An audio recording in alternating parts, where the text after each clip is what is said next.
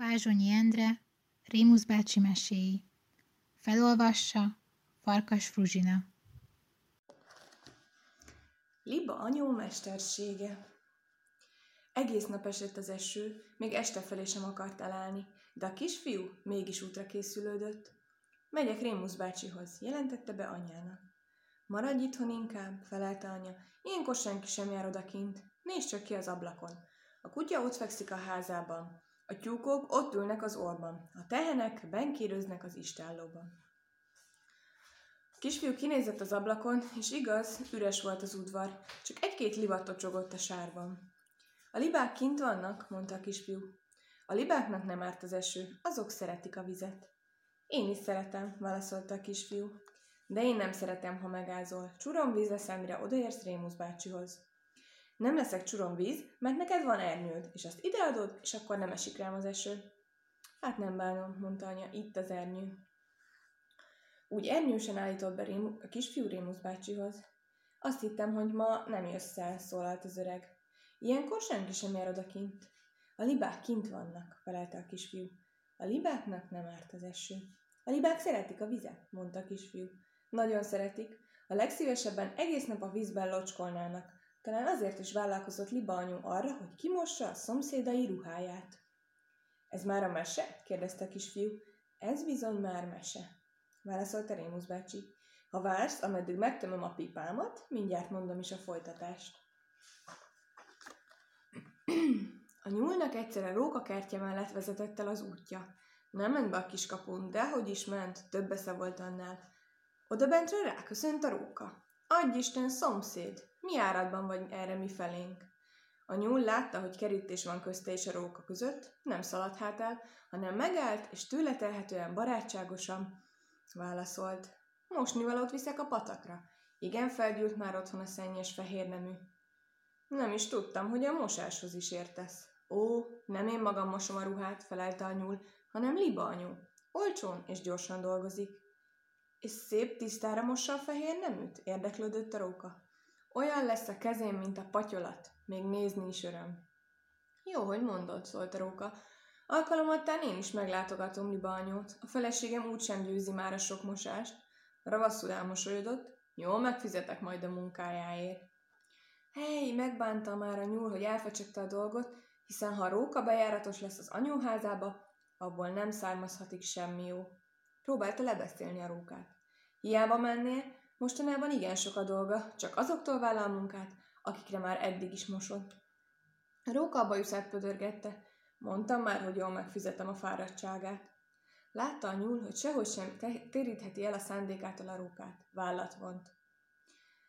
Lehet, hogy akad még egy kis kevés ráérő ideje. Legjobb, ha a lakására még este felé otthon találod. Remélem, vigyorodott a róka. Majd szólok egy jó szót az érdekedben, ígérte a nyúl. Ha én beajánlak, biztosan szívesen fogad. Elbúcsúztak, a róka bement a házába, talán, hogy összecsomagolja a mosásra váró szennyest, a nyúl pedig sietett a patakhoz. Liba anyu a parton állt, térdig a vízben, és a ruhát súlykolta. Jó napot, anyu! köszönöm messzire a nyúl. Hogy megy a munka? Épp jókor jössz, felelte az anyu. A szemüvegem beesett a patakba, már pedig anélkül olyan rosszul látok, hogy sehogy se találom. Megvolna a szemüvegem, akkor persze könnyen megtalálnám a szemüvegemet. A nyúl hamar megtalálta. Nagyon köszönöm, mondta Libanyó. Szívesen paláznék veled, paroláznék veled, szólt szomszéd, de hát csupa szappan a kezem. A Libának nincs is keze, szólt közbe a kisfiú, csak lába van, keze nincs. Hát szemüvege? Az van, kérdezte Rémusz bácsi.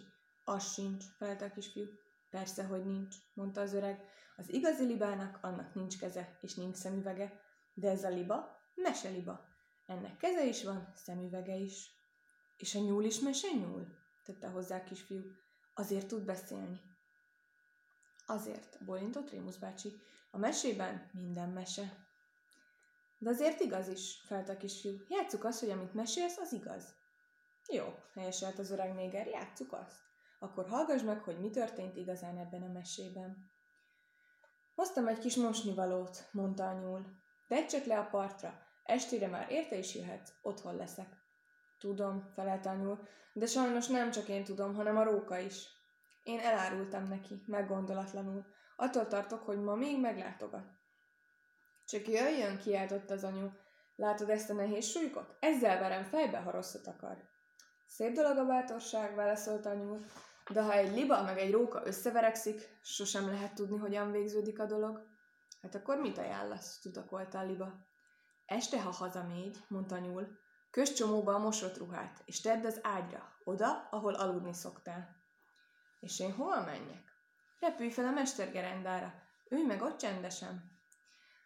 Ami azt illeti, vakarta a fejét Liba anyu, az utóbbi időben egy kicsit meghíztam. Elnehezettem. Nem tudom, megbírnak-e még a szárnyaim.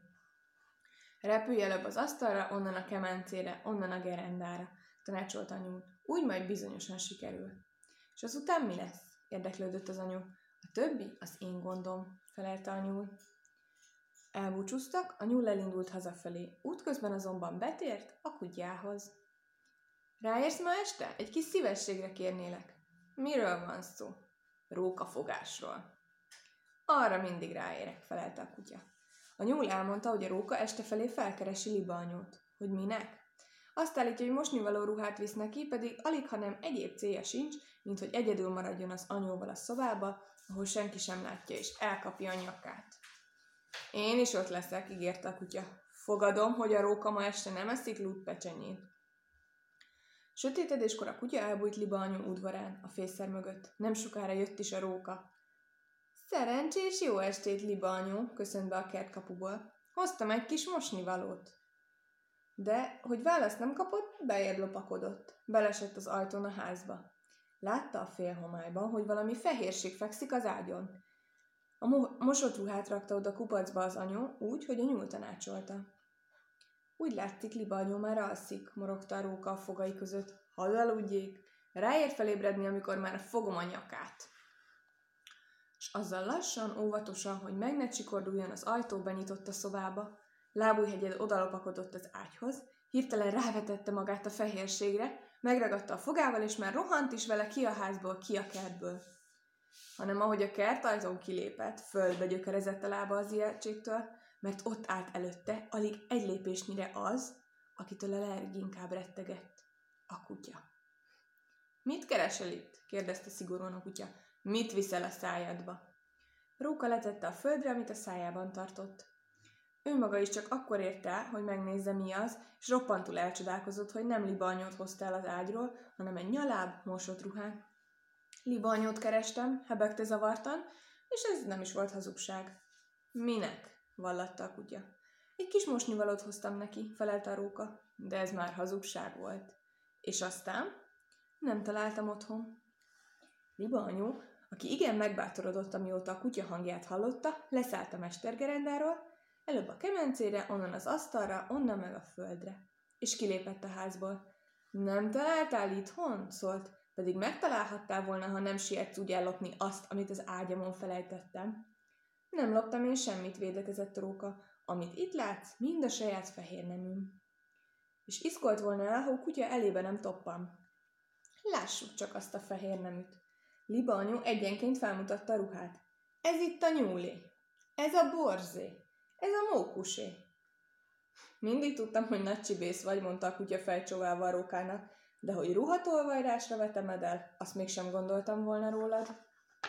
El is mondta még aznap mezeini asszonyságnak, az asszonyság pedig a környék minden állatának, hogy a róka fehér nemű lopásra adta a fejét. Addig sem volt valami nagy becsülete a rókának, de attól fogva még az a kevés is elveszett. Rémusz bácsi kinézett az ablakon. Elállt az eső.